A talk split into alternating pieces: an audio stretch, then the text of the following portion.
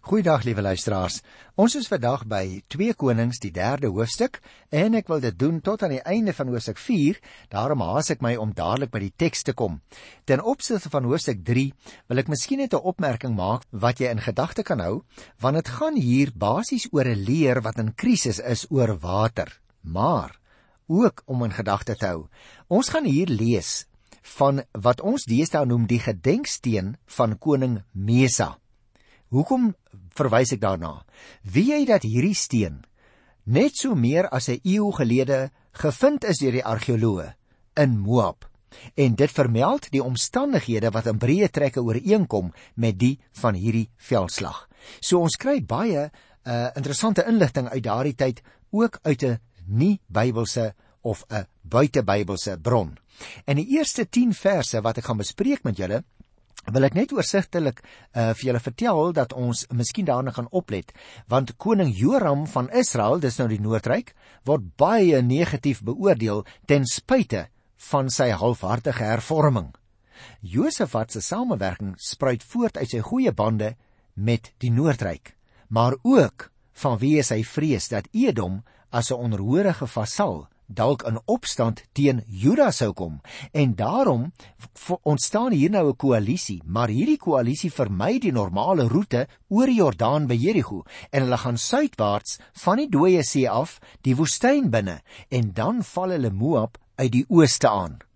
Blykbaar so lyk dit vir my liewe luisteraars was die vordering stadiger as wat beplan is sodat die leer dan uiteindelik in die woestyn sonder water geraak het Kom ons begin nou by die eerste 3 verse.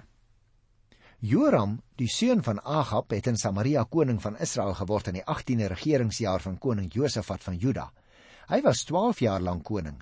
Hy het gedoen wat verkeerd was in die oë van die Here, maar nie so erg soos sy pa in Ma nie. Hy het daarom die klippilaar van Baal wat deur sy pa gemaak is verwyder.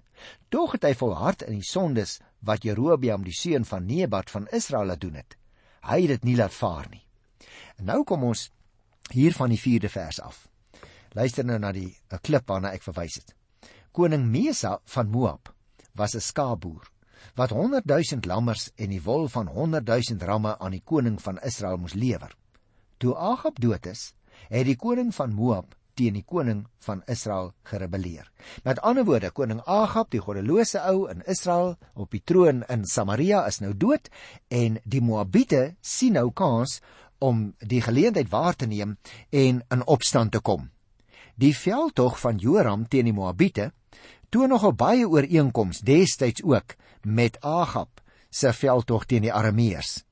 Ek dink die belangrikste punt van ooreenkoms lê juis in die rol van die profeet. In 1 Konings 22 was die profeet Micha die seun van Jimla en die huidige verhaal is die profeet Elisa. Let op. Daar staan koning Mesa van Moab het hom teen Israel verset.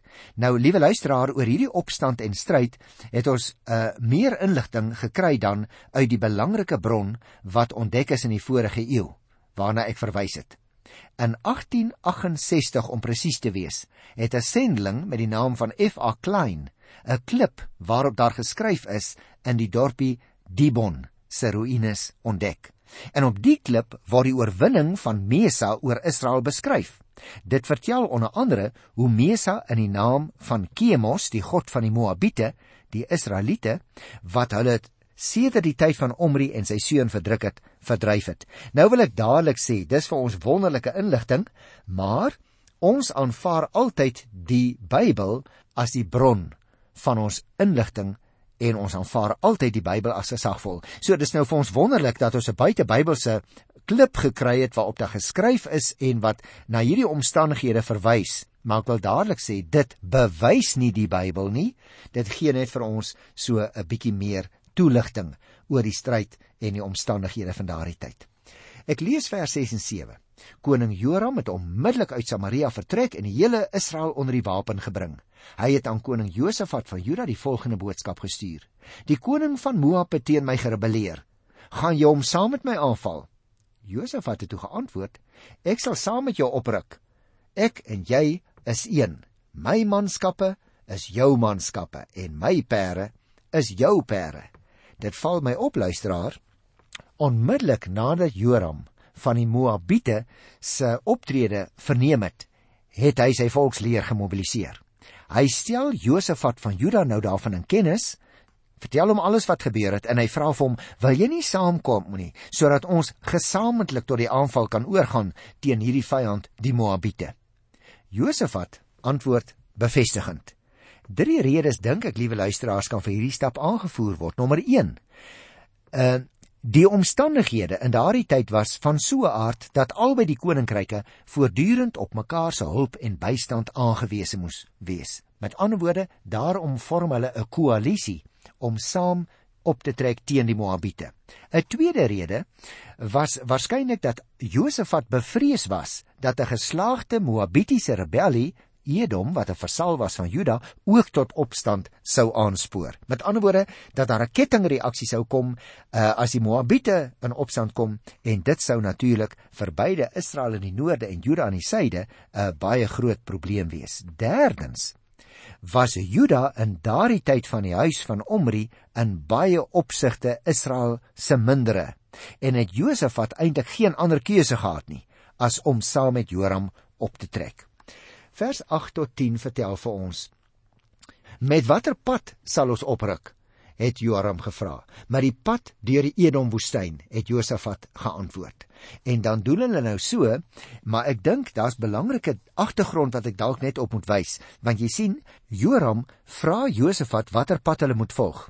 En hy stel eintlik 'n baie ongewone roete voor, die pad deur die Edom woestyn. Nou luisteraars, die gewone roete was om die Jordaan by Jerigo oor te steek en dan verder suidwaarts na die land van Moab af te trek. Mesa het ook 'n aanval uit hierdie rigting verwag en daarom het hy die vestings aan die noorde kant van die Arnonrivier baie goed versterk.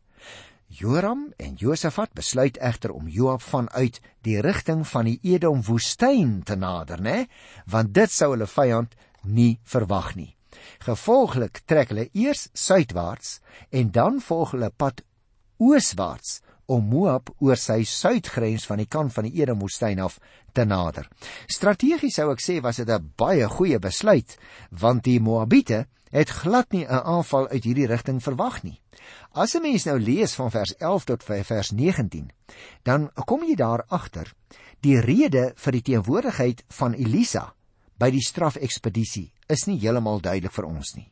Moontlik dui dit op een of ander funksie van die profete tydens veldslae. Nietemin, Joram twyfel nie daaraan dat God hulle kan help nie, maar hy twyfel wel daaraan of God hulle wil help. Jy sien dis baie belangrik. Daarteenoor is Josafat se standpunt: Laat ons vasstel wat God se wil is. Elisa stem dan in om te help bloot ter wille van Josafat en hy kondig aan dat God nie net water sal gee nie, maar die Here gaan ook vir hulle die oorwinning gee. En daarom as ons nou lees hier by vers 15 tot by vers 17. Bring nou vir my 'n lierspeler.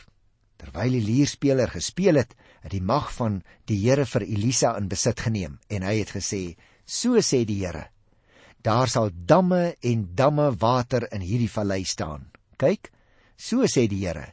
Julle sal nie wind of reën sien nie, en tog sal hierdie vallei vol water word, sodat hulle en julle slagvee en julle pakdiere kan drink.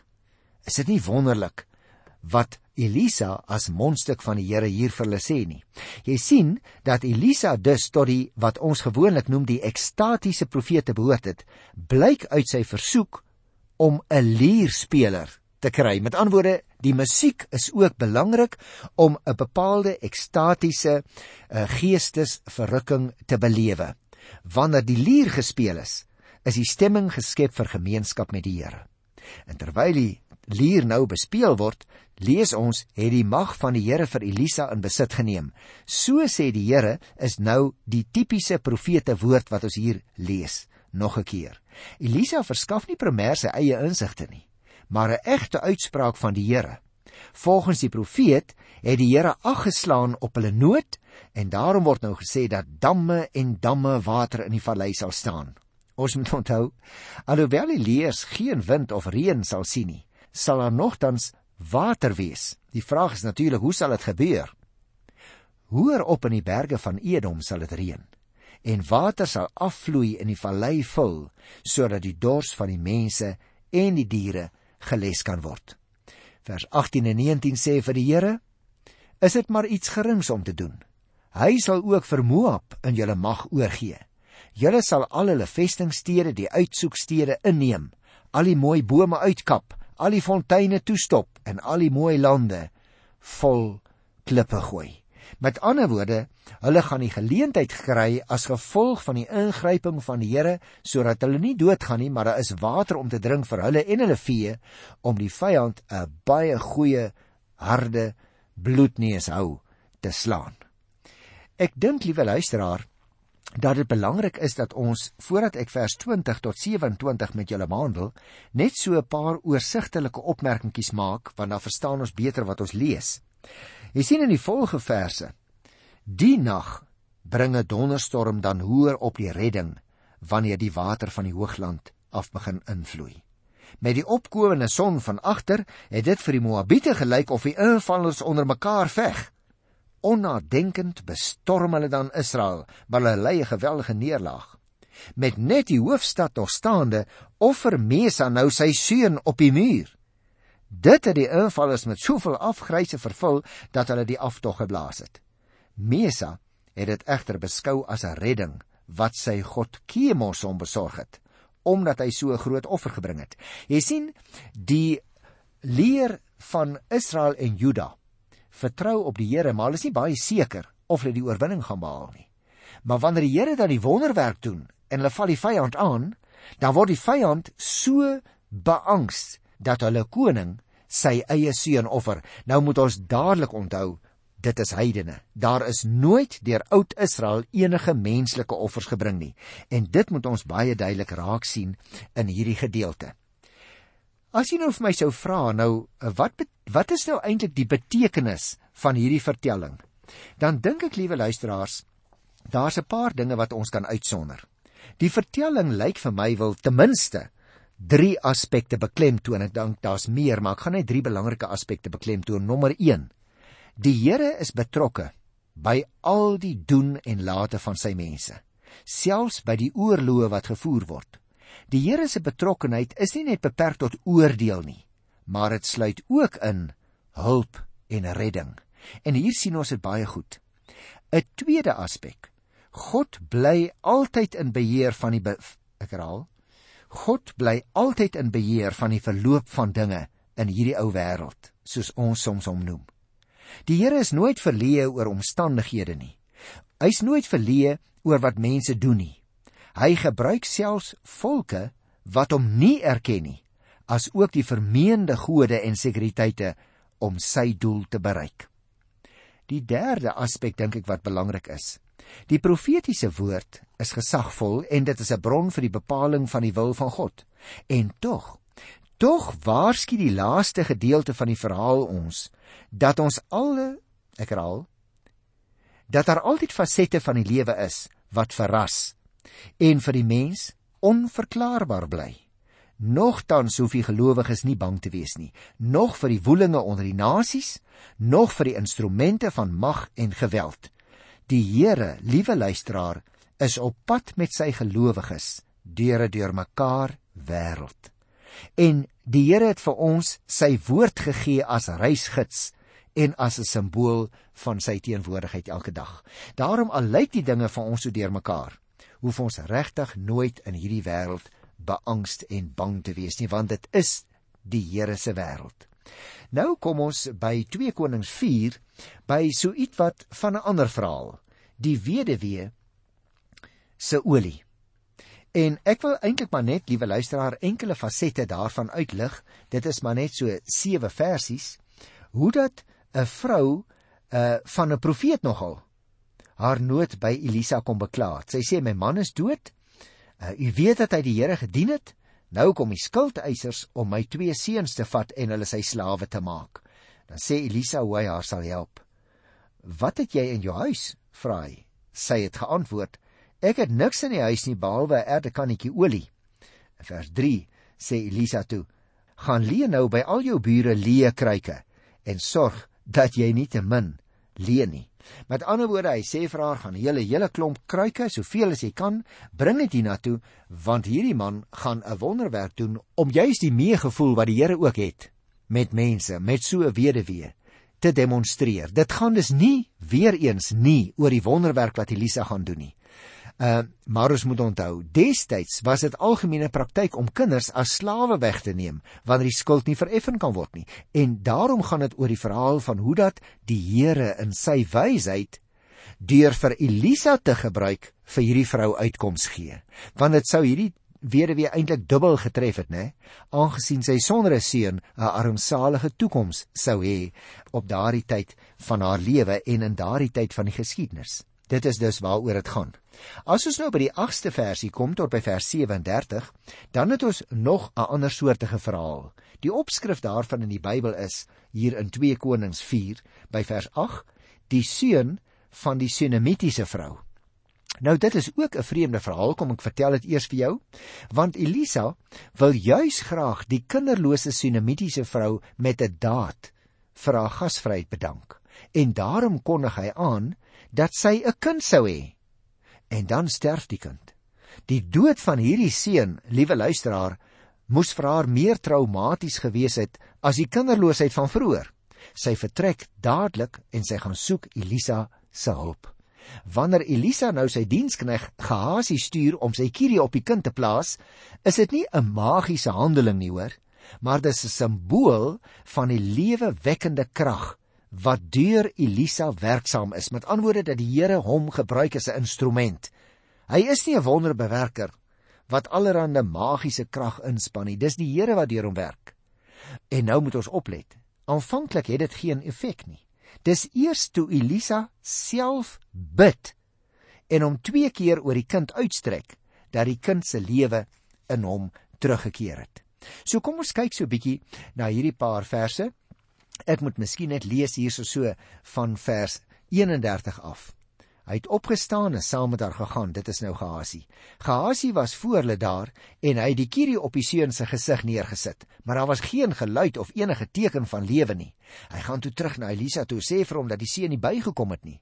Toe Elisa in die huis kom, het die seun daar dood gelê, net soos hy op die bed neergelê was. Elisa het die kamer binne gegaan en die deur toegemaak sodat hulle alleen was. Jy sien, hierdie man van God soek net soos Elia sy voorganger, nie die aandag van mense nie. Hy maak nie daarvan 'n spektakulêre vertoning nie.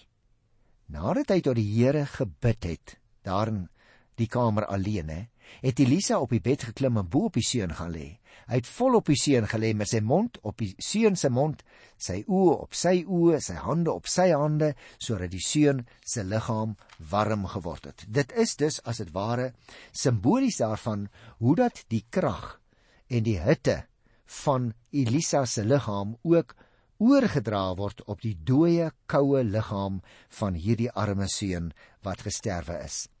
En luister nou na vers 36. Elisa het vir Hasie geroep en hom beveel om die Sunamitiese vrou te roep. Hy het dit gedoen en toe sy inkom sê Elisa vir haar: "Tel jou seun op." Sy het ingekom, by sy voete op haar knieë gevalle gebuig. Toe tel sy haar kind op en gaan uit. Ag ek dink daar moes verskriklik vreugde in hierdie arme vrou se hart gewees het, nê? Want sy het nou hierdie seun verloor en hier word hy nou opgewek uit die dood. Nou liewe luisteraars, die laaste gedeelte wat ek behandel hier in 2 Konings by die 4de hoofstuk vir vandag, het as opskrif 'n giftige bredie word eetbaar. Kom ek lees dit hier by vers 38. Elisa is terug Gilgal toe. Daar was in die tyd hongersnood in die land. Terwyl die profete aan sy voete gesit het, sê hy vir sy slaaf: "Sit 'n groot pot op die vuur en kook 'n bredie vir die profete." Een van hulle is toe veld toe om te gaan kruie pluk. Hy het al wille ranke afgekom en en wille komkommers en hy daarvan afgepluk tot sy sakke vol was. Hy het dit in die pot met bredie gaan insny sonder om te weet wat dit regtig was. Hulle het met ete vir die manne van die bredie opgeskep, maar net toe hulle dit proe, roep hulle uit: "Man van God, daar's gif in die kos." Hulle kon dit nie eet nie. Elisa het gesê: "Bring 'n bietjie meel." Hy het dit in die pot ingegooi en gesê: "Skep op vir die mense dat hulle kan eet." Die kos in die pot was toe nie meer giftig nie. Jy sien, hierdie oneetbare kos en hierdie broodsgebrek in die situasie is verdere geleenthede waardeur die profeet toon dat God belang het by die mense se alledaagse behoeftes. Dit dikwels meen jy en ek, liewe luisteraar, dat God net oor ons in aanhalingstekens net oor ons siel begaan is. Hierdie reeks verhale wil juis vir ons verduidelik dat God ook begaan is oor ons elke dag se wel en wee. Daarom is ons program se naam ook die Bybel vir vandag. Om vir ons te sê destyds het die Here vir mense gesorg. Vandag sorg hy vir ons nog net so. En weet jy wat? Hy sorg ook vir die ongelowige daar buitekant. Mense wat nie die Here dien nie. Hulle word ook deur hom versorg as gevolg van wat ons gewoonlik noem sy algemene genade. Ek wil aan afsluit met nog 'n klein voorval, die kos vir 100 mense. Daar het 'n man uit Baal Salisa aangekom en vir die man van God brood gebring. 20 garsbroode gebak met meel van nuwe oes en ook vars koringare. Elisa het gesê: "Gee dit vir die mense om te eet." Maar sy slaaf het beswaar gemaak: "Hoe kan ek die bietjie kos aan 100 man voorsit?" Maar Elisa het weer gesê: "Gee dit vir die mense om te eet, want so sê die Here, hulle sal eet en nog oorhou." Die slaaf het dit vir hulle voorgesit. Hulle het geëet en oorgehou, net soos die Here gesê het. Is dit nie 'n wonderlike verhaal nie? Dit herinner my natuurlik dadelik aan die voedingswonders wat die Here Jesus in die Nuwe Testament gemaak het. Jy sien dit gebeur hier in Gilgal. Nou ontstaan die vraag Weer, waar was hierdie Gilgal? Want daar was meer as een plek uh, waar dit kon wees. Was dit in die noorde van die land? Want daar was 'n plekkie naby Bethel met die naam Gilgal, of was dit die ander plekkie hier aan die ooste kant van Jerigo? Dit lyk vir my dit was waarskynlik laasgenoemde. Die feit dat ons lees van wille komkommers gee vir ons die aanduiding, want dit het juis daar in die omgewing van Jerigo voorgekom. Ons lees ook hier van vers 42 af van Baal Salisa. Nou dis 'n plek so ongeveer 30 km noordoos van Lydda, daar naby die kus aan die Middellandse See.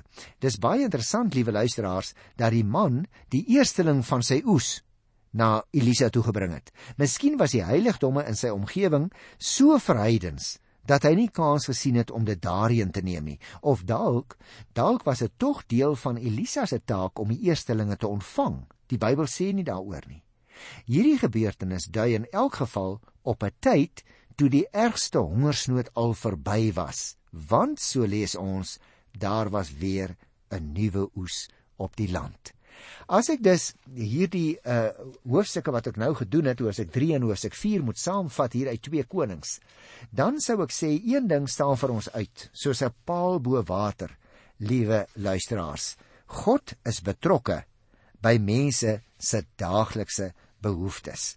Jy sien, juis hierdie soort vertellings oor Elisa leer vir ons meer van God se betrokkeheid by mense en by mense se nood as enige ander profetiese vertellings. Elisa se optrede beklemtoon dus hierdie aspek duidelik. Die Here is betrokke net soos wat hy vandag ook nog by jou en by my betrokke is. Die probleme in hierdie geval sluit in kinderloosheid, kosgebrek, siekte, die dood, 'n verhongerende stad as gevolg van vyandelike beleg.